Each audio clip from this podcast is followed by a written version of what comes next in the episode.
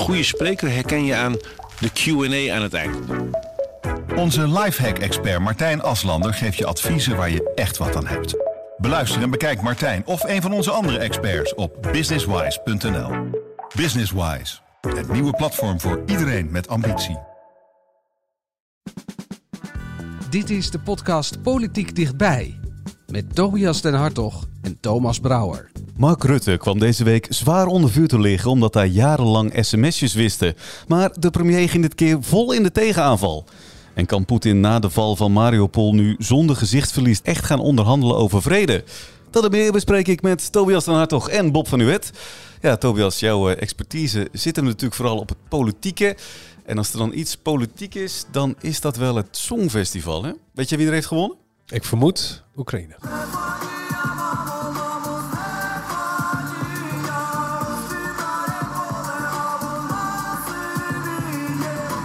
For supporting Ukraine. This victory is for every Ukrainian. Slava Ukraini! Ja, Slava Oekraïne. Dat zijn eh, woorden die je wel heel veel hoort de laatste weken. Bob, heb jij zitten kijken, hè, Songfestival? Ik heb eh, heel lang niet gekeken. De laatste keer was met Lenny Koer en die won toen, dus, eh, maar nu wel. En eh, ja, hierom natuurlijk, om de, de, de lading, eh, het land wat wordt aangevallen, het land wat zingt en, en iedereen ja, steunt dat land. Ik vond het, eh, vond het indrukwekkend. Zelensky die zei, we hebben dat Songfestival gewonnen. Volgend jaar organiseren we het in Mariupol. In Mariupol, of all places, dat is wel, eh, wel bijzonder, want eh, zoals je weet, Mariupol is belegerd door de Russen. de laatste, aller, allerlaatste Oekraïnse verdedigers worden daar nu ge- geëvacueerd. En ja, ik, moet het, ik moet het zien. Het is natuurlijk prachtig en er is ook een... ik denk ook een prachtige locatie. Het, het grote theater van Mariupol, het centrum van cultuur. ehm, bekend vanwege allerlei festivals. Juist dit soort dingen. Als je met Oekraïners spreekt, die vertellen dat. Dus ja, als dat daar zou kunnen, geweldig. Maar ja, Dan moet er nog wel een hele hoop eh, gebeuren. dan moet er een hele hoop gebeuren inderdaad. Ik veracht uw woorden. Schaamt u zich eigenlijk niet? De bestuurscultuur, de nieuwe bestuurscultuur. Factionem cartellum. Doe eens normaal, man. Lekker zelf normaal. De woorden zijn teruggenomen. dat ik een bewuste uitspraak heb gedaan die ik heb gedaan. Ja, de meest opvallende uitspraak van deze week. Dit keer was het vooral eigenlijk een geluid, wat misschien wel het eh, geluid van de week was.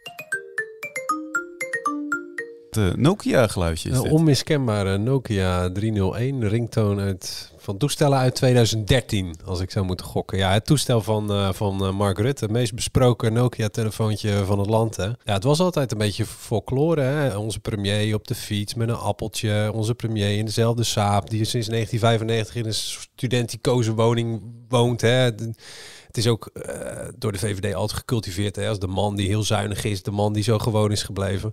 En daar hoorde dus ook zijn Nokia-telefoon bij. Maar ja, wat bleek deze week? Hij heeft jarenlang sms'jes van die telefoon gewist.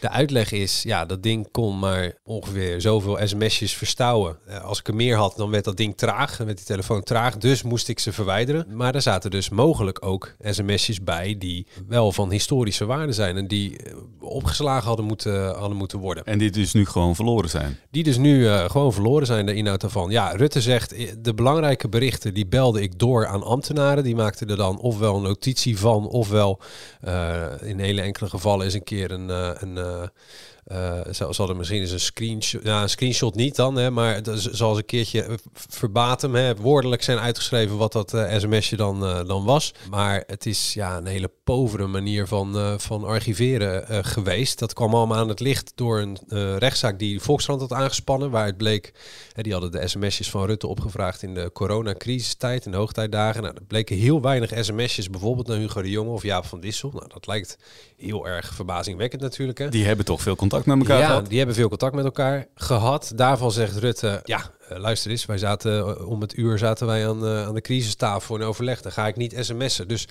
ja, hij praat dat op die manier, eh, verklaart hij het. Dat is niet helemaal naar de zin van een groot deel van de Tweede Kamer. Want ja, die wilde hem in het debat wel eens eh, horen over die uitleg. En ja, daar sloeg hij eigenlijk wel een beetje om zich heen. Ik heb gehandeld naar de wet en naar de geest van de wet. En ik zal alle vragen erover beantwoorden die u mij te stellen heeft. Uh, maar ik ga hier niet bijvoorbeeld, zoals eerder gefase in het debat, KPN vragen: kun je nog eens al die telefoonnummers en al die uh, mensen die ooit een sms hebben gehad laten zien? Of heb je hier de volgende 30 voorbeelden wat je dan doorstuurt binnen het departement? Zo is het gegaan. Als dat vertrouwen er niet is, dan hoor ik dat van de Kamer. Dan ga ik andere dingen doen. Maar ik zeg je heel duidelijk: ik houd me aan de wet, ik houd me aan de geest van de wet. Ik stuur alle relevante sms'en door. Dat moet sowieso, omdat ik ook met mijn collega's binnen Algemene Zaken aan die dingen werk.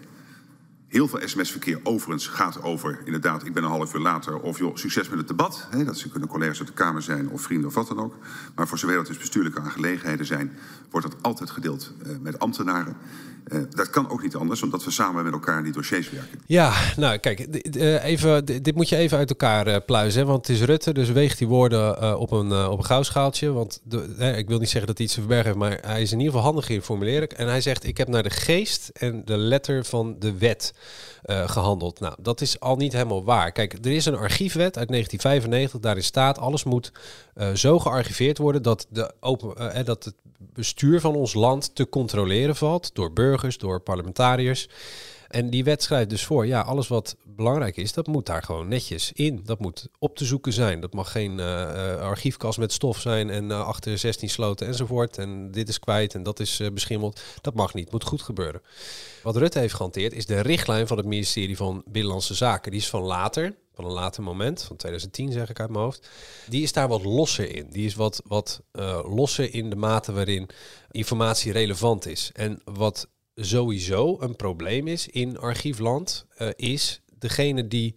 Als jij een WOP start tegen de overheid, een wet openbaarheid bestuur, een procedure om informatie op te vragen, dan vraag jij om alle relevante stukken van onderwerp X. Maar degene die, ze, de, die de stukken verstrekt, die bepaalt, die is de scheidsrechter van wat relevant is en wat niet.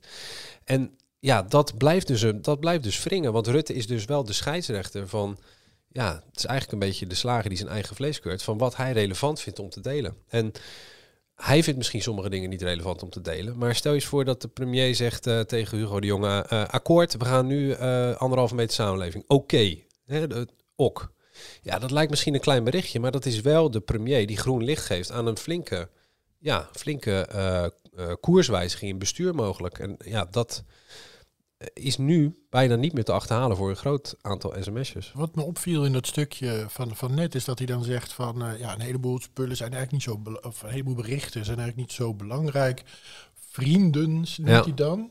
Ik bedoel, doet hij dat allemaal op zijn particuliere telefoon?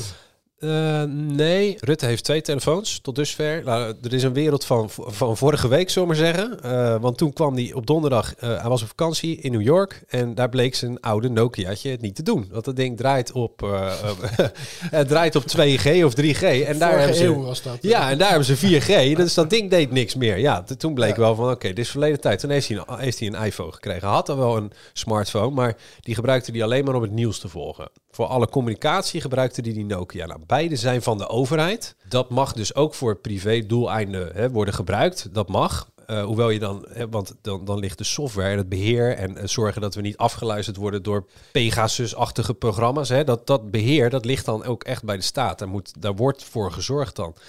Je moet niet over zakelijke dingen communiceren met je particuliere iPhone. Want ja, dat, daar, daar is de staat dan, die kan niet controleren of jij niet afgeluisterd wordt. Dus ze zijn van de staat. Nou, in de nieuwe wereld heeft Rutte nu dus één ding, één iPhone. waarvan hij zegt, ik vind het hem lelijk en onwerkbaar. Mijn duimen zijn te dik om berichtjes te tikken. Ik vind het gepruts.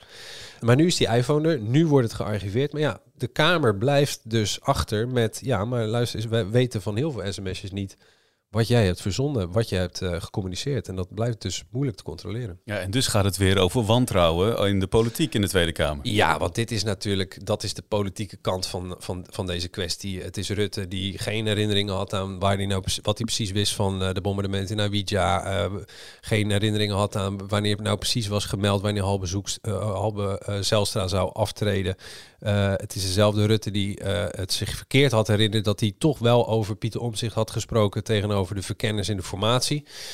Ja, kijk, zijn politieke tegenstanders in de, in de, in de Kamer, hè, de oppositie, een groot deel althans, die, ehm, ja, die, is, die is gewoon klaar met Rutte. Dus die grijpen ieder punt aan waarbij het ook maar de zweem heeft van uh, je houdt iets achter en dat gooien ze op de stapel en dat houden ze hem voor. Misschien terecht. Rutte zegt, als we per geval gaan bekijken, kan ik ze allemaal uitleggen. Hè? Ik kan het uitleggen, ik lieg niet, ik kan het uitleggen. Ja, dat is... Um, misschien vanuit zijn optiek een eerlijk verweer, maar dat is wel een verweer wat natuurlijk moeilijk stand heeft als je die man gewoon al niet gelooft. Ja, er wordt nu ook onderzoek gedaan. Hè? De berichtjes die, uh, die Rutte zou hebben gestuurd en de, de, ja, de archivering eigenlijk van zijn uh, departement. Ja, ja, ja, en ik vrees toch dat dat nergens toe gaat leiden, want de wet is uh, vrij helder, archiveer maar zoveel mogelijk. En de richtlijn, nou die zal misschien nu aangescherpt worden, die is wat losser, maar per, per saldo, degene die de informatie moet verstrekken, bepaalt wat relevant is en wat niet. En jij kan als burger niet weten wat diegene allemaal niet relevant heeft geacht. Want ja, wat je, wat je niet weet, weet je niet.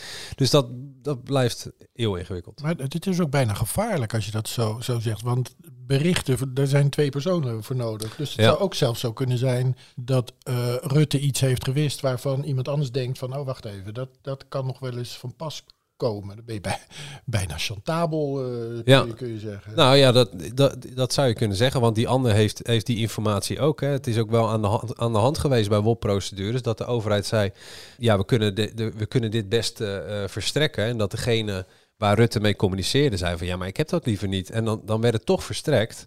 Maar ja, dat kan ook andersom gebeuren. Dat Rutte uh, een keer denkt van ja, maar dat is toch niet relevant. En iemand, de ontvanger, denkt van wel. En het publiek misschien ook, ja, van wel.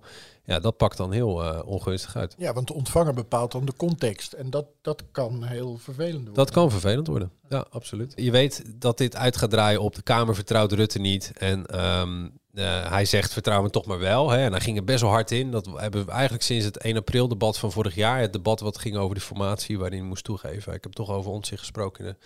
Hadden we eigenlijk niet meer Rutte gezien die echt de borst opzette en zei van... Uh, uh, nou, kom maar op. En ergens dacht ik s'morgens al, het debat begon om tien uur. En de voorzitter die zei heel strak van ja, Rutte heeft straks nog verplichtingen. Er is ook nog een ander debat, een heel belangrijk debat over de toeslagenaffaire. Dus we stoppen om vier uur. Ja, eigenlijk ze toen het gordijn ook kunnen laten zakken. Want als jij uh, Rutte een eindtijd geeft, dan lult hij het echt wel vol. Die geeft twintig keer hetzelfde antwoord.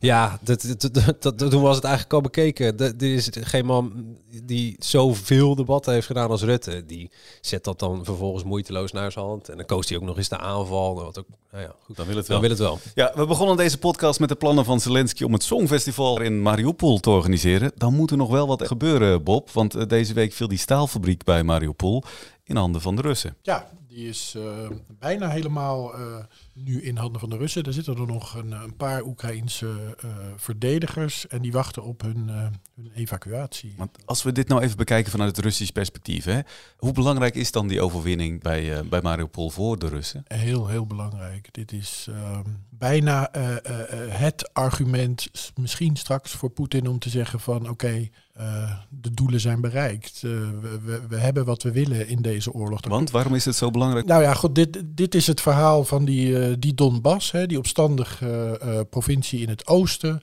van Oekraïne, waar dan veel, veel Russisch-talige mensen wonen die wel wat op hebben met, met Moskou. En een stukje verder de Krim, dat eiland, wat, wat de Russen hebben geannexeerd in 2014. Nou, daartussen uh, lag Oekraïne, kun je zeggen, nu niet meer. Dat is dus door de Russen veroverd. En, en Mariupol is echt de, de grote stad, de grote haven, de belangrijke uh, uh, hoofdstad, dacht ik zelfs, van de, de provincie Donbass, waar alles om draait. Nou, die, die heeft hij nu eindelijk. En uh, Mariupol was ook heel belangrijk, heeft ook een grote symbolische waarde. Want wie zit er in Mariupol? Het Azov-bataljon. Nou, dat is dat, dat beruchte bataljon waarin uh, neonazies en, en dat soort types uh, zaten en soms nog zitten. En die hadden zich in 2014 juist misdragen tegenover die Russisch-taligen. En, en het verhaal in, op de Russische staatstelevisie was altijd van... dit is de tijden van Hitler herleven, dat laten we niet gebeuren. Die, we gaan die mensen redden. En dat was het grote denazificatieverhaal. Dus de nazi's moesten weg uit, uh, uit Oekraïne. Een reden om Oekraïne aan te vallen. Dus vandaar dat dat Mariupol heeft een enorm veel belang. Als Poetin nu op de tv gaat vertellen van jongens, de oorlog heeft lang geduurd, maar het was het waard, want Mariupol, uh, hoofdstad van de fascisten, bij wijze van spreken, hebben wij bevrijd. Nou, volgens mij kom je daarmee weg op de Russische staatstv. En is het dan zo dat Poetin ook veel meer geneigd zal zijn om nu die vredes, uh, vredesonderhandelingen te starten? Dat lijkt er wel een beetje op, want uh, een, een, een, een, hoge Russische onderhandelaar die die had het er van de week over van ja, wij willen wel weer praten. Alleen ja, de Oekraïners hebben niet zoveel trek daarin. Nou, omgekeerde wereld, hè? Want drie maanden geleden, toen, uh, ja, toen kwam die Russische stoomwals leek over Oekraïne heen te gaan en de Oekraïners leken kansloos. Wij dachten allemaal dat gaat niet lang duren. Dat dachten de Russen ook. Nou, liep ietsje anders. Maar in die eerste weken, in die eerste maand, dicteerden de Russen wij willen met jullie praten en het gaat zo en zo gebeuren en dat en dat. Dit zijn de voorwaarden. En dit zijn de voorwaarden en wil je hier tekenen, dan ben je dat en dat kwijt. Daar kwam het een beetje op neer. En toen hebben de, de Oekraïners uh, ja, uh, stand gehouden, kun je zeggen. En dat was niet voorzien. En nu lijken de rollen wel omgedraaid. Want als er één partij is die op dit moment eigenlijk helemaal geen belang heeft bij... Uh, bij, een, bij, een, bij vredesonderhandelingen, want daar zit dan meteen waarschijnlijk een staakt het vuren uh, aan vast. Ja, dan zijn dat die Oekraïners op dit moment. Het geld komt met bakken binnen uit de, uit de hele wereld. Ze krijgen wapens uh, waar, waar menig uh, Europees land jaloers op zou zijn. Het laatste van het laatste van het Amerikaanse spul krijgen ze. En ze bezorgen de Russen hele pijnlijke nederlagen. Denk aan die boot, die Moskwa, die tot zinken werd gebracht. Pas geleden dat, dat volslagen mislukte Russische offensief om een rivier over te schieten. Als je die beelden daarvan ziet. Ja, die Oekraïners die hadden drones en die hadden, hadden Amerikaanse kanonnen. Die, hadden alle, die hebben daar echt gehakt van gemaakt. Nou, dat is, dat is wel, wel lekker als je... Ja, en zijn intussen ook in de tegenaanval. Want er zijn al Oekraïnse militairen gesignaleerd bij de Russische grens. Ja, ja dat is... Uh, en ze hebben ook al inderdaad beschietingen over de grens uh, uitgevoerd. Maar dat is denk ik wel een rode lijn. volgens Rusland is dus, dus, dit dus geen oorlog. Hè. Dit is een, uh, een militaire, een uh, speciale militaire uh, operatie. Geen oorlog. Maar als Oekraïners gaan vechten in Rusland, ja, dan kunnen ze het bijna omdraaien. Dan is er een invasie van, van Oekraïners aan de gang. En dan wordt het wel een oorlog. En dan kan Poetin mobiliseren, dan kan er van alles gebeuren. En dus je, zover zal Oekraïne het ook weer niet laten komen? nee, als je weet dat Rusland dan in staat is om nog eens een miljoen soldaten te mobiliseren. Ik zeg niet dat dat geweldige soldaten zijn, maar wel een miljoen soldaten. Dat is wel veel natuurlijk. En dat, daar is niemand bij, uh, bij gebaat. En dan is de kans ook groot dat het weer zal overslaan naar Moldavië en andere gebieden. Ik bedoel, dat, laten we het hierbij houden, denk ik. Intussen zijn de, de mensen die uit de staalfabriek bij Mariupol zijn geëvacueerd, zeggen de Oekraïners. Krijgsgevangenen, zeggen de Russen. Daar is het in Rusland uh, ook al veel debat over. Hoe zit dat precies? Uh, ja, nou, volgens de Russen zij hebben ze gecapituleerd. Gecapituleerd. En um, zijn het inderdaad krijgsgevangenen, die, die, mensen die zich hebben overgegeven. Dat is een heel ander verhaal dan, dan evacueren. Hè. Evacueren denk je aan burgers een vrije aftocht uh, geven. Nou, die vrije aftocht zit er dus echt niet in. Um, omdat uh, dat Azov-bataljon daarbij betrokken is. Volgens Russen zijn dat dus nazi's. Russen refereren dan altijd aan de geschiedenis. Dan ga je terug naar Hitler. Naar de, elke Russische familie heeft gestreden tegen Hitler. Ligt heel gevoelig in de Russische publieke opinie zijn die gasten ook al als, als, ja, als het grootste schorum van de wereld uh, weggezet. Ja, en die ga je niet ruilen met uh, Russische krijgsgevangenen, wat eigenlijk het plan was. Dus daar gaan uh, klinken stemmen voor, voor processen tegen soldaten. Um, en dat, nou, dat kan leiden tot gevangenisstraffen, wordt gesproken over 15 tot 20 jaar cel voor, voor, voor, voor die gasten. En zelfs over de doodstraf voor de leiders. Dus dat is een ja, een heel gevoelig uh, onderwerp. Dat zal de vredesonderhandelingen dan met Oekraïne ook niet uh, makkelijker maken. Zelensky die, uh, die gaat intussen onafgebroken door met zijn tocht langs de, de Europese leiders. Afgelopen week was hij in Cannes. Але мають прозвучати слова, як у 1940-му прозвучати з усіх екранів вільного світу. Потрібен новий Чаплін, який доведе і зараз, що кінематограф перестав бути. Charlie Chaplin haalde die even aan. En die maakte natuurlijk tijdens de uh, Tweede Wereldoorlog een film over Hitler, The Great Dictator. En hij zei eigenlijk, ja, we zouden nu, filmmakers ter wereld, we zouden nu een film moeten maken Rise over Poetin. Ja. Zal daar snel gehoor aan worden gegeven? Een, subtiele manier om uh, Hitler, of, of Hitler, Poetin voor Hitler uit, om, uh, nou, uit te om maken. die gelijk te, te ja, zetten. dat is wel, ja. ja, dat doet hij knap. Jij raakte zelfs een beetje geëmotioneerd tijdens ik, het kijken van deze speech. Ik vond dit zeer, zeer aangrijpend. Ten eerste de reactie van de zaal. Dus dat zijn allemaal mensen uit de kunst. Die voelen dat, zullen, zullen we zeggen. Anders dan uh, de politici waar Tobias mee omgaat. Die, uh, Deze mensen hebben ook echt nog gevoel in gevoel donder. Die, ja, ja, ja, ja, dat zijn die, die, die, die, die, die kunnen dit, die, die zijn, kun je nog verbazen en verbijsteren, denk ik dan. Um, in ieder geval, dat lukte. Die zaal, die, die, die staande ovatie. En uh, het mooie vond ik was dat, uh, dat greep hem aan, Zelen Zelensky. Jij was niet de enige die geëmotioneerd was, nee, Zelensky zelf we zaten ook. samen te huilen, bij wijze van spreken. nee, nee, nee. nee, maar hij, uh, tuurlijk, dit is zijn, dit is zijn, dit zijn zijn mensen. Hè. Voordat hij president was, um, was die acteur. En een acteur die met heel veel succes op de Oekraïnse uh, uh, tv dienaar van het volk speelde. Dat was dan een serie waarin hij de president speelde. Deed hij zo goed dat mensen zeiden van, goh, misschien moeten we, moeten we een kans geven in, in het echt. Hè? Dus, uh, nee, maar acteurs, een acteur tussen acteurs, dat had je. En, en die, die waardering, ja, die spatte eraf en dat was uh, prachtig. Wat misschien nog wel meer maakt voor jou, deze, deze speech, is omdat jij natuurlijk met de biografie van Zelensky in je hoofd zat, die je deze week hebt gelezen. Inderdaad, want daarin komt een van die drie Zelenskys waar het dan over ging met, uh, met die biograaf. Kijk, de eerste Zelensky, die, die hebben we net besproken. Dat is die acteur, hè? De, de, de stem van Paddington trouwens ook in de... In de Oekraïnse versie daarvan. In de Oekraïnse versie, ja. Daar is hij heel trots op dat hij dat uh, heeft gedaan. Oké, okay, goed, de acteur. Uh, niet zo'n beste acteur. Beetje, beetje hele platte humor, grappige rollen. Benny Hill. Dus het is wel een, een kritische uh, biografie geworden. Als, als die, oh, die, die, die biograaf nog, nog een, nog ja, een, ten, matig acteur. Ja, tenzij, tenzij je Benny Hill geweest ja, ja, ja, dan, ja, ja. dan Nee, maar goed, Benny Hill, uh, voor, voor wie, wie dat niet weet, dat was een, een, een, een Britse komiek, beetje, beetje, beetje flauw. Ja, maar, slapstick. slapstick. Ja, ja, exact. Ja. Nou, dat, dat genre, dat deed uh, Zelensky dus ook. Had hij succes mee in Oekraïne, maar bij een bepaald publiek, zullen we zeggen. Nou, daarna wordt hij dus president. En begint hij met geweldige beloftes. Hij zegt, ik ben degene die anders zal zijn dan mijn vijf voorgangers. Ik zal niet uh, me overgeven aan corruptie. Mijn vriendjes zullen niet de beste banen krijgen. Nou, allemaal de dingen waarom uh, Oekraïnse presidenten bekend staan. En dat lukt niet.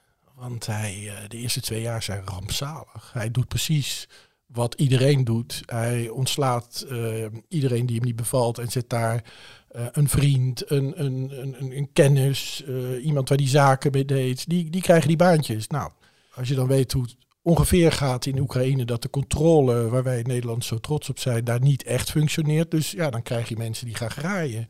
En die moeten dan worden weggestuurd. En dan krijgt hij natuurlijk meteen terug van ja, maar jij zou het toch anders doen? Nee, dat lukt niet. Dus. En zelf zou hij ook geld hebben weggesluist, toch? Ja, dat wordt, wordt denk ik wel aangedikt, want hij heeft heel veel tegenstanders ook. Maar goed, maar in dat wereldje zou het een, uh, ja, zou het een wonder zijn als hij, als hij niet zou meedoen. Iedereen doet dat. Iedereen jat daar. Uh, goed, maar dan. Dus komt... voor de oorlog, hij stond er niet zo goed op in de verkiezing van de beste president nee, van ik Oekraïne. denk andersom op die lijst van uh, de meest tegenvallende presidenten zou hij denk ik behoorlijk scoren. Juist omdat hij die andere, die, paste gewoon in het systeem van oké, uh, we, we, belo we, beloven niet dat we het beter gaan doen, want we gaan het niet beter doen. Maar hij beloofde van alles. En nou, dat viel dus zwaar tegen. En juist op dat moment, juist op dat moment dat de peilingen heel slecht gaan, dat hij mensen moet gaan ontslaan al, die hij zelf had aangenomen, die het allemaal beter zouden doen. Dus het, is, het is, gaat niet goed. Ja, en dan komt er, meneer Poetin komt uh, binnenvallen. En dat is voor Zelensky zelf uh, een enorm keerpunt natuurlijk. Want hij begint zich dan opeens te profileren als ja. degene achter wie het hele Oekraïnse volk zich kan scharen. Absoluut. En zijn biograaf uh, die, die vertelde me, want die kent hem dan al jaren, die heeft hem zien, zien opkomen. En die zegt, ik heb hem echt zien veranderen. Want toen die president was in de eerste twee jaar, een beetje geaffecteerd praten en een beetje spelen en een beetje met, met zijn pak en, en doen alsof die president, alsof hij nog steeds bezig was met die rol uit, uh, uit die tv-serie. En, en ineens krijgt hij een andere man. Hij krijgt iemand die wij ook hebben leren kennen van, de, van die video's, maar iemand die gewoon die zich alweer niet scheert of zo, weet je. Dat zegt ook niks. Maar in ieder geval, het, het is, hij is echter. Hij is niet meer zo glad, eerlijk. Dat, dat is het. het is en hij bleef. Hij bleef. Ik bedoel, er is menig oorlog uitgebroken waarbij de leider op het eerste vliegtuig zat natuurlijk. De biograaf zegt dan ook, wij wisten allemaal, hadden ze onderling, van, waren ze van overtuigd, als de Russen komen, dan weten wij wie er in het eerste vliegtuig zit. En Zelensky. En dat doet hij dan niet. En het hele mooie is, dat vond ik wel een mooie quote, van, dat hij zegt van, uh, op een gegeven moment, de Amerikanen hebben in de gaten van, van dit gaat helemaal fout. Ze hebben binnen, ze, de Russen veroveren binnenkort Kiev. Dan zetten ze daar een of andere uh, marionet, neer. marionet neer, precies. En die doet wat, uh, wat Moskou roept. En dan is de oorlog klaar. En Zelensky wordt vermoord. Dat, dat dachten ze. Er zijn twintig aanslagen, uh, zeggen de Oekraïners, geweest. Hè? Verhinderd, voorkomen. In ieder geval, dan zeggen dus de Amerikanen... Um, we gaan je helpen het land uit te komen. En dan uh, zegt hij, ik heb geen taxi nodig, maar munitie. Nou kijk, dat, dat zijn dat zijn teksten. Dat zijn, daar kun je in Hollywood, in kan, kan je wel mee aankomen. Kan mee aankomen wat wat natuurlijk wel echt, ik bedoel, het, het is, het, hij heeft al wel een bladzijde omgeslagen. We, we, hadden een Zelensky waarvan we dachten, het is die, uh, die president van Oekraïne die zijn, zijn geld op het, uh, op het droog heeft gezet via schimmige belastingconstructies. Hij kwam voor in de, in de, in de Panama Papers, meen ik. Ja. Hij steunde nazistische groeperingen. Hij heeft uh, tamelijk ondemocratische, uh, op ondemocratische wijze zich ontdaan van, van oppositie ook. Zoals Zelensky 2.0 eigenlijk dan sinds Rusland op de deur klopte. Is dat ook in, in, in, de, uh, in de ogen van, van, van de Oekraïners dan zo? Geloven ze dan ook, geloven ze dit ook? Ja, weet je, de, de Oekraïners zijn, zijn uh, zo, komt dat, zo komt dat naar voren in de biografie, zo dankbaar dat hij is gebleven. Ja. Want dat doe je niet. Uh, je, je, je, vult je zakken je, en, je, en je gaat er vandoor. De Oekraïners zijn hem ook heel dankbaar dat het is een heel verdeeld land uh, uh, qua, religie. Je hebt, je hebt degene die dan de, de Russisch-orthodoxe kerk aanhangen, de, Oekra de uh, Oekraïns-orthodoxe kerk. Dan heb je de Russisch-talige. Dan heb je de Oekraïens sprekende. En die zijn allebei ook weer niet per se 100% voor de een en voor de ander. Dan heb je de mensen die denken van onze toekomst ligt in de EU, bij het Westen. Dat is wat wij willen. Anderen zeggen nee, wij hebben een sterke man nodig, à la Moskou, uh, à la Poetin. Dus dat is een heel, heel, heel verdeeld land. En die heeft hij bij elkaar gebracht. Die vechten samen, die vechten ja. zij aan zij tegen zo'n uh, zo'n invasie. Nou, dat wordt enorm gewaardeerd. Ik bedoel, dit is eerder vertoond. Hè? Af en toe moet je aan Churchill denken. Mm -hmm. Ja. En Churchill direct na de oorlog. Uitgekotst. Uitgekotst. Ja, ja. Dat mensen zeiden van, weet je, we zijn helemaal klaar met, jou, uh, met jouw oorlogsretoriek. We hebben het gehad. Uh, Labour. En die kan ja. ze, het sloeg echt totaal Ja, als een om. blad om een boom. Ja. Dat zou kunnen gebeuren, weet je niet. Ja. ja, en dan zou het dus in het belang van Zelensky zijn om inderdaad niet meteen die vredesonderhandelingen te gaan beginnen. Want dan is er nog veel, veel te winnen. De, de Donbass-regio kan natuurlijk ook gewoon door de Oekraïners terug worden gewonnen. Ja, dat kan. Alleen denk ik dat dat uh, toch wel iets te veel uh, zal, zal, blijken. Want je moet niet vergeten, sinds 2014 is daar al een loopgravenoorlog aan de gang. En als je nu ziet wat de Russen hebben gewonnen, dan is dat niet zo heel veel meer dan wat die pro-Russische rebellen al uh, voor elkaar hadden gekregen. Maar goed, dat... Uh, dat is er reden voor, voor uh, Zelensky om te blijven zitten, is geld stroomt binnen aan alle kanten. En, en Oekraïne ligt uh, voor een flink deel in puin. Dat moet herop, hè, wederopbouw moet daar plaatsvinden. Nou, daar gaat hij ook voor zorgen. En als hij dat allemaal binnen heeft gehaald en als hij dan ook nog eens een keer... En, en Tobias weet hoe gevoelig dat ligt, Europa binnen kan komen ja, dan, dan heb je ook kans dat hij dat die herkozen wordt. Maar, maar als, dat, als dat allemaal niet rond is, ja, dan zullen die oude problemen weer gaan opspelen met, met hij zelf die een beetje schimmig uh, verleden heeft, die oligarchen die elke president bespelen in Oekraïne, ja, die, die zijn niet weg. Die komen dus ook terug. Die zullen ook zeggen van uh, wij zijn weer aan de beurt. En dan gaat dat hele circus weer draaien van corruptie. Dus. En er zijn dus ook zorgen over de hoeveelheid wapens die nu Oekraïne binnenkomen. Want daar hebben zij ook slechte, uh, ja, een slecht verleden mee. Zeker, want uh, voordat deze oorlog begon, was, was, stond, stond Oekraïne op, uh, op een soort zwarte lijst van, ja, daar wordt allerlei uh, wapentuig illegaal uh, verhandeld. Een beetje zoals ook in Joegoslavië. Hè.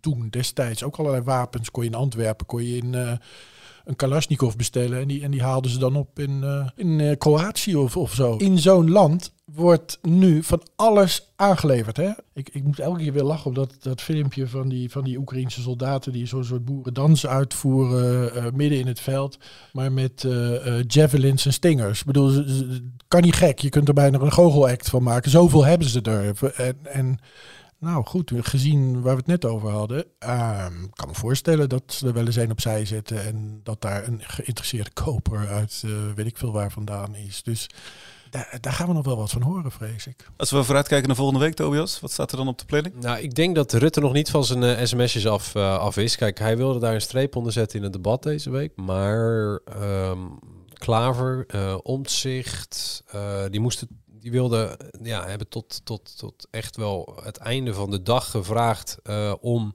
Uh, laat mij nou zien hoeveel sms'jes jij in uh, x periode kreeg. En laat ons dan ook zien hoeveel je ervan hebt gearchiveerd. Ik wil, ze, ze, hoeven niet per se de inhoud te weten, maar ze willen wel zien wat de hoeveelheid was. Dat toont namelijk zit achter die vraag, de orde van grootte. Hoeveel archiveerde de premier? Wat vond hij van belang om te archiveren? Of was hij daar toch achterloos mee? Dus ergens bij KPN of Vodafone of wat dan ook, is, is men nu in die uh, uh, kasten aan het duiken. Of dat nog te achterhalen is. De metadata, zoals dat dan heet, van uh, van het sms-gedrag van, uh, van Rutte. Ja, daar, daar komt uh, komende week nog een brief over, dus dat krijgt nog wel een staartje. Tot zover deze aflevering van Politiek erbij. Vind je dit nou een leuke podcast? Abonneer je dan vooral. Dat kan via Spotify of Apple Podcast. En volgende week, dan zijn we er weer. Tot dan!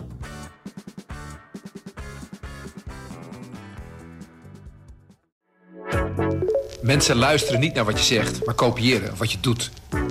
Onze vitaliteitsexpert Martin Hersman helpt je te focussen op wat echt belangrijk is. Beluister en bekijk Martin of een van onze andere experts op businesswise.nl. Businesswise, het nieuwe platform voor iedereen met ambitie.